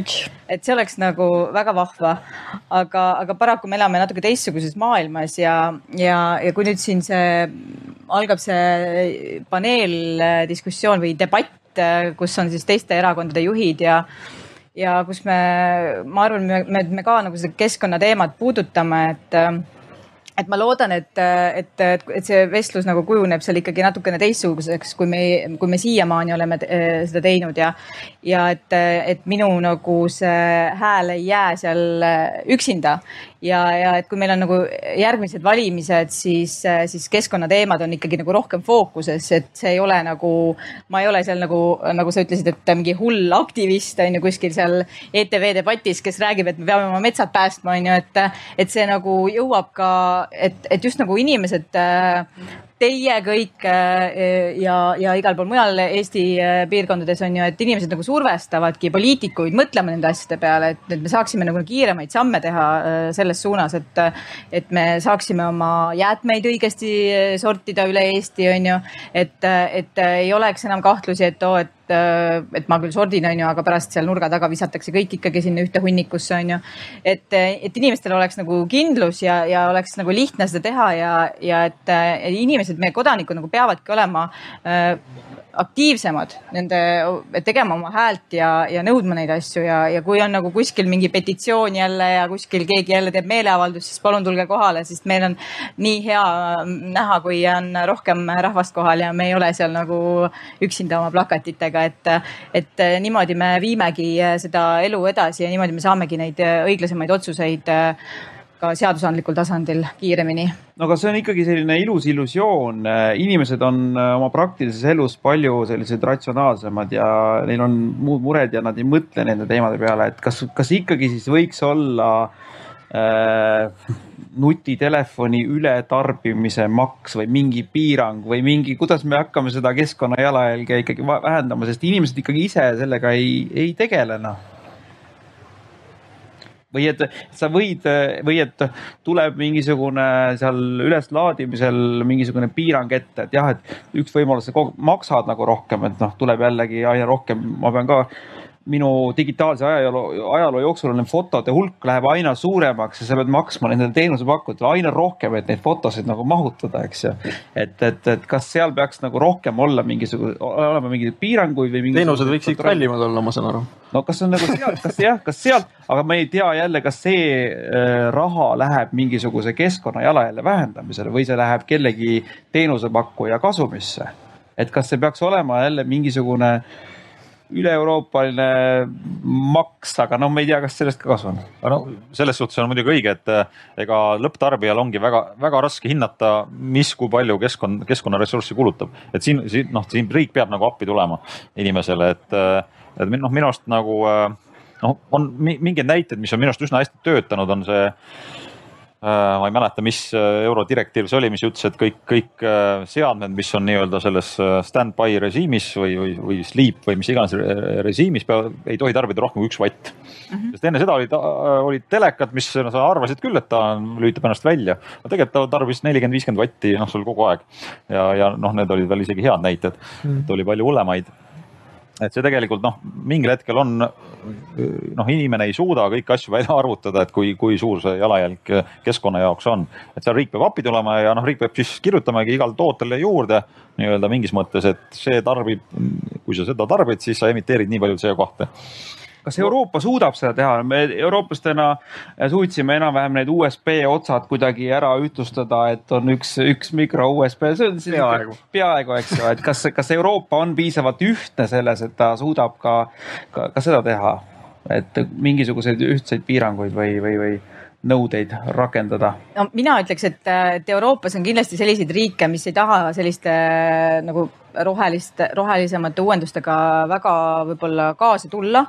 eks või, või need riigid, kes toodavad äh, energiat siis, äh, siis mingitest äh, fossiilidest, eks ja, ja nemad tahavad alati erandeid, aga, aga noh, me peame nagu jällegi ka kodanikena olema selle, selliste asjade suhtes nagu tähelepanelikud ja jälgima ja, ja, ja võib-olla jällegi toetama ka teiste riikide aktiviste on ju nendes püüdlustes, aga, aga üks äh, mõte on nagu ka see, et, et kui, kui nüüd äh, meie siin poliitikud on ju, hakkavad jälle mingeid otsuseid tegema, et me, et me tõepoolest nagu jälgime ka, mida nad teevad, et noh, et me, me näeme, et praegu, et see, see poliitika on nagu nii räpaseks läinud, on ju, et siis ma, ma ise ka nagu ei taha nagu väga sellesse puutuda, on ju. aga me peame, sellepärast et see poliitika, nagu sa ütled, et noh, et rats, inimesed on ratsionaalsemad, aga, aga poliitika otsustabki meie igapäevaelu, on ju, et see on, need ongi need otsused, mis tegelikult äh, muudavad asju ja. Aga tihtipeale on selline valimiskampaaniate teema, et seal ikkagi kõik, kõik erakonnad hakkavad keskkonnast niimoodi rääkima, et nagu nad oleks kõige rohelisemad üldse. ja siis, kui valimised on ära võidetud, siis äh, tuleb ikkagi reaalne elu, ka neil ette no ja, aga eks meie inimesed ju ka muutuvad kogenumaks ja targemaks ja on tähelepanelikumad ja, ja eks see, eks see roheline nagu äh, tule, tuluke ükskord sinna Riigikokku, ma arvan, ka jõuab, et, et äkki see ei ole enam nagu nii kaugete mägede taga, et, et et see Euroopa jõuab ka selles mõttes nagu meieni. ja, ja päeva lõpuks, kas me peame alati ootama seda nagu regulatsiooni ja poliitikat selleks, et nagu mingeid samme astuda, et, et tegelikult hakkab ju ikkagi, mina olen hästi praktilise meelega, et see hakkab ikkagi kõigist meist, meist endast pihta, on ju. mina ise tarbijana, ma ei tea, mina ettevõtjana, mina valin, kelle tooteid ma ostan, mina valin, kellega ma partnerlussuhteid sõlmin, ma valin ka, et meil oleks ühised väärtused. kui minu väärtused väärtus on see, et ma ei taha keskkonda reostada, siis ma ei vali ka endale selliseid partnereid, kes seda teevad. kas Telia on Eesti kõige rohelisem äh, telekommunikatsiooniettevõte provotseeriv küsimus, ma tahaks loota küll, ma tahaks loota küll. kas teil, kas teil on juba mesilased katusel Vot, aga miks teised vähem on, see on nagu see küsimus, et miks teised on vähem rohelised? ma ei ole kuulnud, äh, et nad oleks endale nii ambitsioonikaid eesmärke võtnud kui meie väga hea. või halb, et nad ei ole. Lähme vahepeal, me oleme siin istunud mõnusalt siin mugavalt tooride peal ja, ja üle tunni aja juba juttu rääkinud, et kas meie kuulajatel, kes pingsalt on kuulanud, me ala, jah, jah, väga huvitav, meil on selline pallike, siin on mikrofon, rääkige siit lähedalt. Ja sina tõstsid vist kõige esimesena äh, omal käe. ma proovin seda visata. Oh pallikesest on muidugi asi kaugel teravate nurkadega. Äh, selgelt ja kui me kasutame digitehnoloogiat rohkem, siis, siis me peame ka rohkem tootma neid seadmeid, mis, mis neid kõiki sõnumeid vahendavad. et kindlasti see keskkonna jalajälg läheb selle peale suuremaks.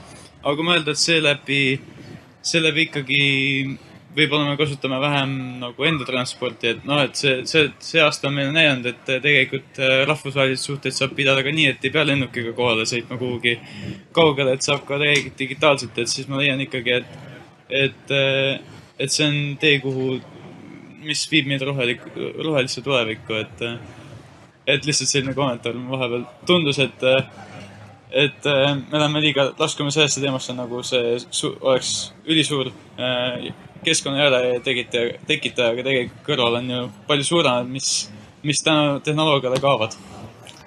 jah, õige tähelepanek, et Covid on palju õpetanud, et äh, palju vähem peab kokku saama ja reisima ja autot kasutama ja nii edasi. jah võib-olla ütlengi vahele siin, et noh, tegelikult kui me väga jämedalt tahame oma keskkonnamõju nagu hinnata inimesena, siis tegelikult seda üsna hästi mõõdab see raha hulk, see raha, mida me kulutame. et kui te vaatate oma nii-öelda enda kuu eelarvet või oma pere kuu eelarvet, siis te vaatate, kuhu see raha läheb ja tegelikult see mõõdabki seda, et noh, et, ma oletan, et digitehnoloogiale kulub Eesti perel mingi viis võib-olla heal juhul kümme protsenti rahast. et, et noh, tema tõenäoliselt ka selle keskkonna jälg on tõenäoliselt umbes sama suur.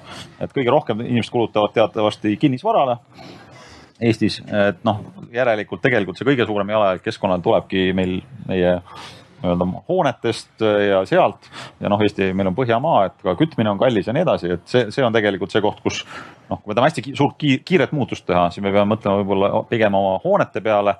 järgmine koht on võib-olla transport, kus meil kulub palju raha.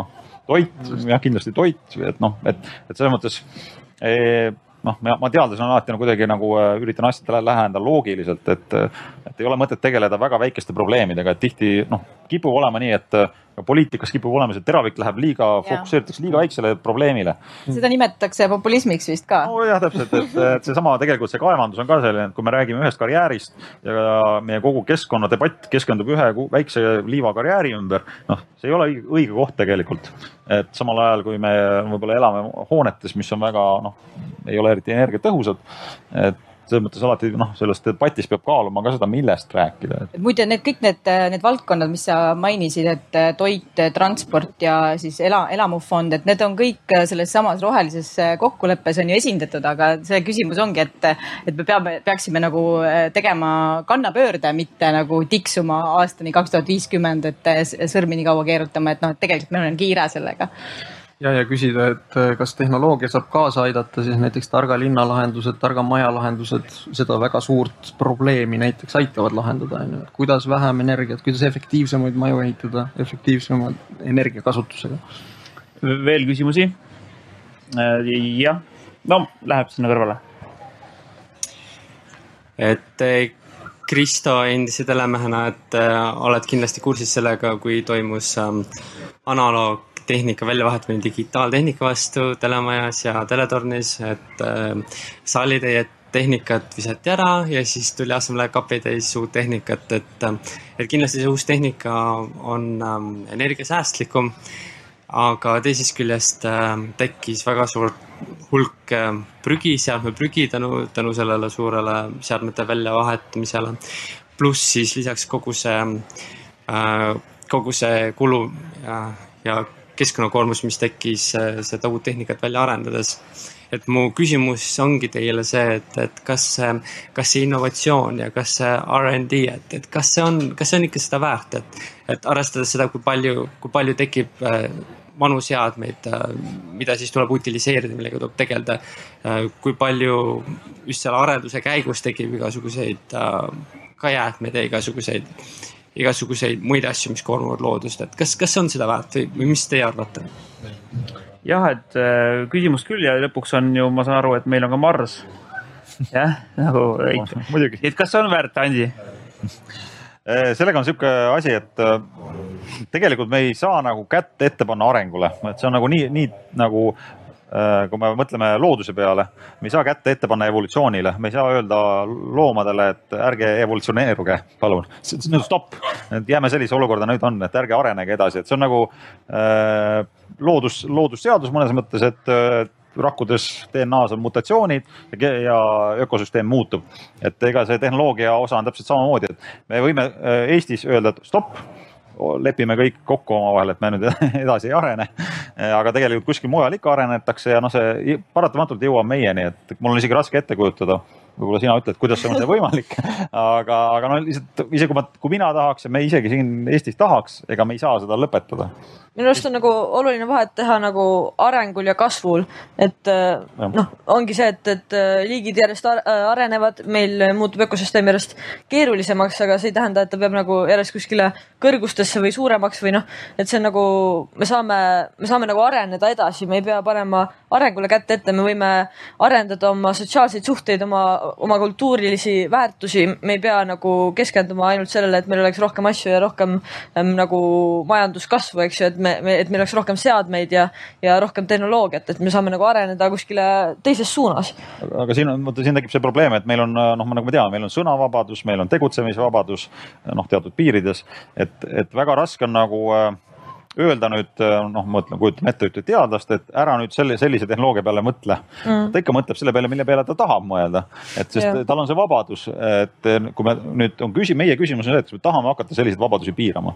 et igasuguste vabaduste piiramine on noh, hästi libe tee, kuhu minna mm. -hmm. mitte on... piirama, aga ongi tead, nagu tõsta, tõsta teadlikkust, rääkida, eks ju, seletada ja võib-olla inimene jõuab ise selle arusaamini, et okei okay,, äkki nagu ei ehitaks tuumapommi või noh, ei no, saa nagu öelda talle, võib-olla ei saa nagu ära keelata või ma ei tea, kas see on nagu keelatud või ei ole praegu, aga, aga põhimõtteliselt nagu me saame võib-olla üritada nii-öelda mõistust pähe panna nagu siukselt noh äh, nagu harida inimesi või midagi siukest. ja ma usun ka ise, et haridus on olnud noh, nagu läbi ajaloo kõige võimsam jõud tegelikult, et seal on see, peitub see. noormees tahtis küsida siit eest. ja et need äh, need e-õppega nagu need, kas need saastuprotsendid läksid nagu palju suuremaks ja nagu mida te tahaks vähendada, nagu mida vähendataks?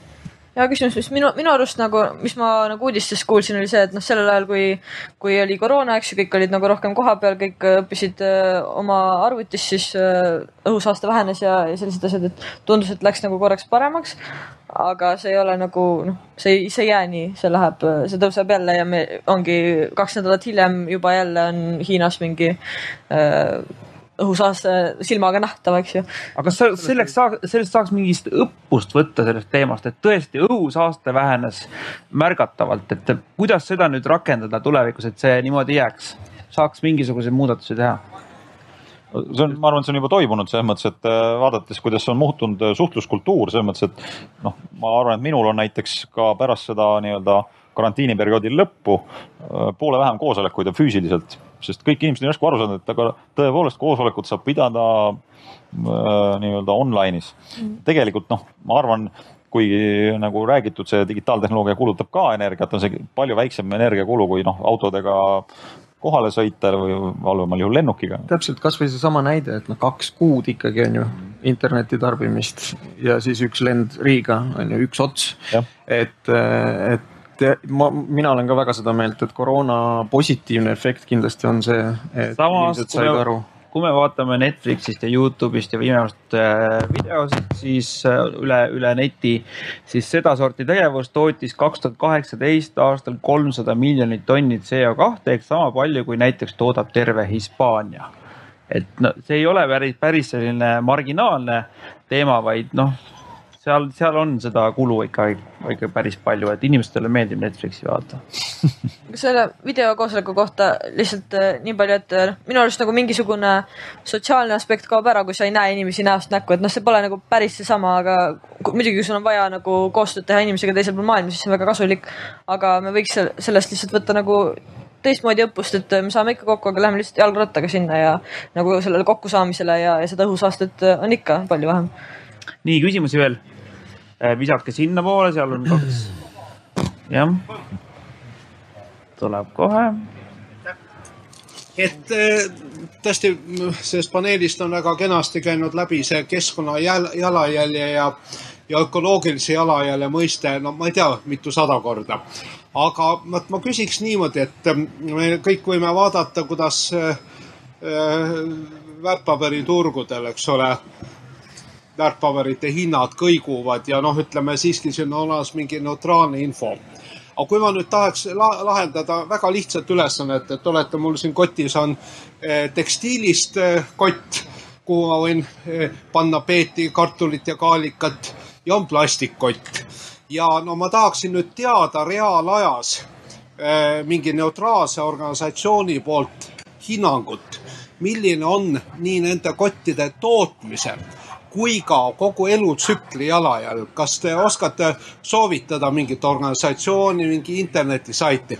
miks ma rõhutan reaalajas? sellepärast, eks ole, ja, ja see sõltub muide ka tootmiskohast, et ilmselt kui Eestis on toodud Bangladeshis toodetud tekstiilkott või, või see on siin kohapeal valmistatud, need jalajäljed on erinevad kui plastikut saab taaskasutada, osa plastikust saab, siis on jalajälg üks, eks ole, sõltub ka sellest eh, tekstiilkotti, milliste eh, pesuvahenditega ma pesen, et uuele eh, kaalika seansile minna, eks ole, poodi mõistate, et tegelikult see peaks olema reaalajas. tähendab, mina ei, ei usu sellist infot, et, et keegi väidab, et ta täpselt teab kui palju on millegi jalajälg nüüd ja igavesti, sest see muutub nii nagu noh, olles majandusteadlane, ma väidan, et igasuguse toote tootmiskulud äh, kõiguvad isegi aasta lõikes.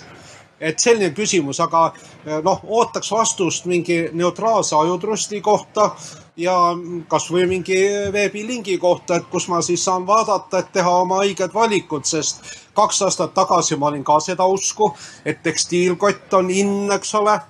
aga nüüd ma arvan, et see on nagu rohepesu, sellepärast et kui ma kuulan Reet Ausi juttu ja teiste juttu Tehnikaülikoolis, siis tuleb välja, et võib-olla tekstiilkoti tootmise ökoloogiline jalajälg on vaata et suuremgi kui plastiku tootmis. väga arusaadav küsimus ma lihtsalt lisaks siia, et, et, et kui need kotid on sul juba seal kotis, siis on juba natuke nagu hilja, et, et see otsus on nagu vaja teha selle, see jah, et see, selle ostul, et ja, nagu me ennem juba rääkisime, on ju, et, et see märgistus võiks äh, iga toote puhul olemas olla, on ju, et, et siis tarbija saab teha otsuse. aga ikkagi, kust, kust seda infot saada tõesti, no ma tahaks teada. ma tahaks teada, et kas see telefon, noh, see on, ma saan aru, juba väga kahjulik asi Apple, aga, aga noh, et kust ma saan teada seda informatsiooni, kus inimene. põhist äh, rohepesuinfot vaid tõesti mingid neutraalsed. just no,, et kas mingid organisatsioonid on juba tekkimas? turud on neutraalsed, eks ole no kasvõi meie needsamad äh, Eesti keskkonnaorganisatsioonid, mis meil on, äh, ELF ja Eesti Roheline Liikumine, et minu arust ka nende kodulehtedel on äh, päris palju informatsiooni erinevate toodete kohta ja. Te olete siis välja arvutanud kõigi nende erinevate tekstiilkoti tarnijate osas? ei, mina ei ole neid ise üldse arvutanud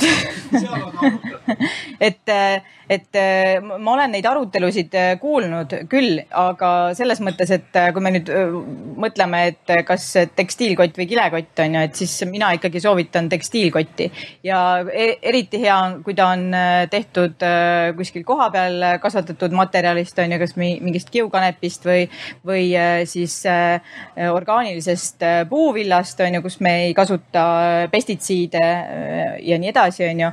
või siis me võtame selle naftakoti, mida me kasutame ühe korra ja siis viskame prügikasti ja läheb põletusse.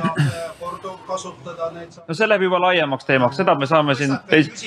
ja küsimus on selles, et kas jah, et kas see andmebaas võiks kuskil olla ja kas keegi tegeleks äh, sellega? ja, ja meie kogemus just, kui me nagu enda jalajälge kokku arvutasime, on see, et tegelikult ei ole. Äh, vähemalt meie valdkonnas ei ole ja, ja väga palju tuleb ikkagi piirduda ja, ja lähtuda mingitest keskmistest äh, kahjuks. Lähme edasi, siin paar küsimust veel, siin oli üks küsimus ja see pall on ka siin ees, jah. mina olen äh, olnud nagu alati natuke skeptiline elektriautode osas. et äh, eriti just Eesti kontekstis. kui ma, miks ma peaksin endale ostma elektriauto, et tegelikult äh, kui ma seda nüüd Eestis tankima lähen, siis tõenäoliselt see elekter, no kust see tuleb, et see tuleb ju ka võib-olla Kiviõlist või kuskilt, noh, tänu sellele, et me kaevandame põlevkivi, et kas see on tõesti keskkonnasõbralikum mul siin Eestis elektriautot tarbida ma võin äh, jah, sellega on jah, selline naljakas lugu, et äh, elektriauto tootmine on noh, hästi noh, mitte väga keskkonnasõbralik. nüüd jälle, jälle küsimus sellest, kuidas see elektriauto on toodetud. kui see elekter toot-, mida tootmiseks kasutati, võeti noh, ütleme ro- roheelektrina, siis see natuke parandab seda olukorda, mida noh, Tesla näiteks väidab. teine asi, ma alati ütlen, et noh, Tesla autod on tegelikult suured autod, et sa ei pea linna autoks ostma endale Teslat, sa võid osta mingile väik- väikse elektriauto, mis on palju mõistlikum, kui sul on vaja autot ja eh, tulles elektri juurde, siis elektriga on sihuke naljakas lugu, et eh, kuna elektri puhul on väga täpselt saab mõõta seda, palju see süsi, süsi, süsiniku jalajälg on, siis no seal lihtsalt praegu need eh, Eesti kõige tossavamad elektrijaamad ei tööta, sest neil, neil ei tasu müüa elektrit. ja noh, see, see nii-öelda, kas elektriauto on roheline või ei ole roheline, sõltub Eestis noh päevast sisuliselt et kui need elektrijaamad töötavad, mida praegu on väga harva olnud, siis on ta roheline kui need töötavad, siis ei ole roheline. kas ma saan seda ka kuskil jälgida, et kui mul on elektriauto ja ma tahan rohelist äh, kuskilt, siis mingil hetkel? no sa võid osta roheelektrit, kui sa usud, et no, et see on, aga noh, see on jälle selline natuke ütleme kin-, noh, oma usu põhjal kinni maksmine mingis mõttes, aga noh. ja õige vastus on ju jällegi see, et, et äh, ära üldse varem osta autot kui sa saad. aga no miks see hea on, miks see hea võib olla, et kui me elektrifitseerime rohkem nagu transporti ja kui meil siis ühel hetkel tuleb see taastuvenergia osakaal ka järgi, et me, meie energia tu- tulebki rohelistest allikatest, siis on nagu hea, et meil on juba kõik elektriautod sõidavad ja me lülitame selle rohelise nuppu sisse ja siis on nagu hästi, aga, aga praegu jah, ma ei tea, kas. kui me need liitiumakud ka veel saame taas Jah. ümber töödeldud, siis, siis on juba elu päris ilus. ma arvan, me saame maailma korda tehtud var varsti. kas kellelgi on veel mõni küsimus, me hakkame lõpetama vaikselt äh, meie arutelu ja seal ma, ma ei tea, kas ma julgen visata. viskan sellesse kaamerasse. mul tuli vahepeal veel meelde üks koht, kus saab vaadata eh, siis oma tarbimise eh, asju, et eh, selline koht nagu Balti Keskkonnafoorum ja neil on vist sihuke koht ka seal nagu Tarbi targalt, et siis sa saad vaadata erinevate toodete kohta, et mis on keskkonnasõbralikum ja mis mitte ja ka enda tervise ja ohutuse mõttes. nii küsimus sealt. aitäh mul tekkis selline ka sihuke talupojalik küsimus, ega ma väga ei tea sellest noh, pilveteenustest ja sellistest asjadest väga. aga laias laastus on meil vist kaks sellist eksponentsiaalset probleemi, et ühed on inimesed, millega keegi vist väga tugevasti ei tegele, välja arvatud ehk Hiinal on mingi poliitika, et neid on nagu palju. ja kui ma teisena kuulsin siin üsna noh, neid samu, et kui palju tegelikult see serveripark või emaili saatmine või, või kulutab energiat et kui mängiks nagu sellise utoopilise mõttega, et nagu paneks siia piiri. et kõik täna rohkem serveripargid ei suurene ja kogu innovatsioon lahendage selle sees, et mis siis juhtuda võiks või on see võimatu? sest vastasel juhul ma ikkagi ostan, kui ma ostan uue Apple'i telefoni, sest ta sunnib mind. ja kui ma loen siis uuendustest, et jällegi on tehtud juurde kakskümmend uut Smile'it või mingit sellist asja, siis noh, kas mul on seda vaja? keegi jälle kuskilt ressurssi kulutab, aga mänguruum on selline siin serveripargis tehke innovatsiooni ja. Nagu me jällegi, päris hea ettepanek. nagu me jällegi varasemalt rääkisime, et, et ega arengule kätt ette panna väga ei saa ja, ja kindlasti need pilveteenused nagu Eesti kontekstis, noh, nad asuvad ikkagi hoopis kuskil mujal, on ju. et, et need on ikkagi need suured globaalsed tegijad ja, ja suured globaalsed andmekeskused, millest me räägime. jah, nad kasvavad, aga tegelikult see kasv on äh, veidikene hakanud pidurduma tänu sellele just, et äh, tehnoloogia teisest küljest ka jällegi riistvara areneb ja, ja selles mõttes sul ei ole vaja suuremat andmekeskust, vaid sul see üks väikene ühik jällegi mahutab rohkem andmeid, hoiab rohkem andmeid, töötleb neid kiiremini ja paremini. et äh, ja, ja ka seesama, mis ma rääkisin, et äh, eksponentsiaalselt väheneb ka tegelikult nagu energiatarve, mida siis kulutab see andmekeskus ühe mingi andmeühiku salvestamiseks või töötlemiseks et, et jah, mõte väga intrigeeriv, aga, aga raske on ette kujutada, kuidas niisugusele arengule piiri panna. ja, ja kas see üldse on kasulik, on ka muidugi. aga ikkagi see, et me, me kasutame teatud ressursse, kas ressursside kasutamisele, ressursid saavad otsa ja ma ikkagi toon selle, et me tahame Marsile minna ja hakata neid juurde kasutama, et kas, kas nagu loodusressursside kasutamisele ka tehnoloogia hüvanguks, mis on meie kõigi heaks, saab mingid piirangud panna?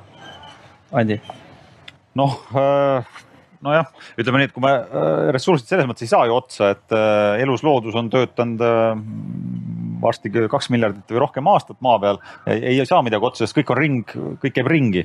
et tegelikult meie eesmärk ei ole mitte noh, ressursid ei lõpe, vaid et hakkaks ringi käima need ressursid. aga loomulikult me oleme sellest veel väga kaugel ja noh, siin on nagu väga õieti mainitud, et, et ega tegelikult võib-olla suurem probleem on see, et inimeste arvukus kasvab lihtsalt. et kui me ka seda suudaks kontrollida, see aitaks ju väga oluliselt et siinkohal ma pean muidugi mainima, et kuskil oli väga vahva uuring, et äh, vaadati äh, India neid piirkondi, kuhu, kus nutitelefonid olid just jõudnud.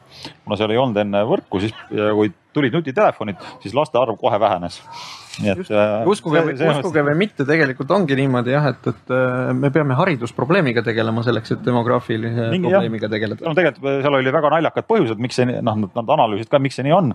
aga, aga jah, seal nii, nii ta on, et ja üks põhjus on loomulikult haridus, et inimesed noh, hakkavad ikkagi ka kasutama seda üsna kiiresti oma nii-öelda harimiseks. uus põlvkond kasutab tehnoloogiat, harib ennast, ei taha lapsi, siis ongi juba maailm päästetud. maailm on päästetud. hakkame lõpetama, meil on tõesti minut veel aega, et äh, äh, vastame siis küsimusele kõik kuidagi lühidalt, et kas tehnoloogia vähendab või suurendab keskkonna jalajälge? Andre, palun äh, tahaks olla natuke poliitiline ja öelda, et äh, tehnoloogia on ainult vahend ja tehnoloogia võib teha nii ühte kui teist et, et ma usun, et selleni me oleme täna siin arutelu käigus ka korduvalt jõudnud. et kui me kasutame teda millekski heaks, siis, siis ta teeb head, aga me võime ka loomulikult tehnoloogiat kasutada millekski halvaks. Kristin? ma arvan, et tehnoloogia ei ole nii neutraalne ja ei ole ainult lahend, sest et mida iganes me, kui me manipuleerime loodusega selles süsteemis, kus kõik on kõigega seotud, siis sellel tuleb mingi tagajärg ja ma ei tea ühtegi tehnoloogiat, millel oleks ainult positiivsed tagajärjed või millel ei oleks negatiivseid tagajärgi. et ma ütleks, et suurendab. Andi? no jah, vaata, kui me räägime inimkonna nagu päästmisest, siis tegelikult ega me ei saagi seda muud moodi päästa kui mingi tehnoloogia abil. Äh, ütlen mina, et äh, sest kui me vaatame olemasolevat tehnoloogiat, siis see viib meid nii-öelda hukatusse, seega me peame seda tehnoloogiat vahetama. Ja noh, üldiselt inimkond ei ole, mina ei tea, et oleks kunagi tagasi läinud. seega noh, mingis mõttes see tehnoloogia peab olema lihtsalt teistsugune ja, ja keskkonnasõbralikum, aga ega muud varianti ei ole. ja Zuzu jah, mina ka ühinen selle arvamusega, et, ähm, et äh, arengut nagu selles mõttes ei saa peatada, aga me, me võime, meil on võimalus nagu saada targemaks ja, ja seda tehnoloogiat, mida me inimkonnana arendame nagu enda heaks äh, tööle panna just selles mõttes, et nagu hoida ära meie planeedi hukk ja meie ja, ja inimeste nagu kadumine siit, et, et aga ma ma arvan, et see hetk ei ole veel käes, et, et me, me ei ole veel nagu selles olukorras, kus me saame öelda, et ja, et tehnoloogia nagu päästab meid, et, et jah, et ma ei ole selles osas nii possi- äh, äh, nagu äh, positiivselt meelestatud, aga, aga jah, et siin on nagu, et kõigepealt peab muutuma see meie nagu teadvus, meie ühisteadvus, et mida me üldse tahame saavutada ja, ja siis me saamegi seda saavutada, aga me ei ole jõudnud veel sinna nagu inimkonnana sellesse punkti? no poolteist tundi on meil möödunud nagu linnutiivul, aga Zuusul seisab äh, kõik veel ees, võimalus äh, muuta seda ühiskonda, sellepärast et poole tunni pärast algab seal vist äh, peaministrikandidaatide debatt ja loodetavasti mm, seal toimuvad juba muudatused. erakonna siis juhtide. erakonna juhtide ja, ja ega meie siis ülejäänud vaatame üle oma telefonid, palju me seda kasutame, mitu äh, fotot meil siin telefonis on ja kas need pidevalt läheb, liiguvad pilves edasi-tagasi. ja siis ma loodan, et ähm, telekommunikatsiooniettevõtted äh, ei äh, müü mulle uut telefoni, kui ma lähen seda ostma, vaid ütlevad, kasuta vana. nii et jah, suur tänu meie panelistidele, aitäh. aitäh. ja kena õhtut teile. aitäh kuulamast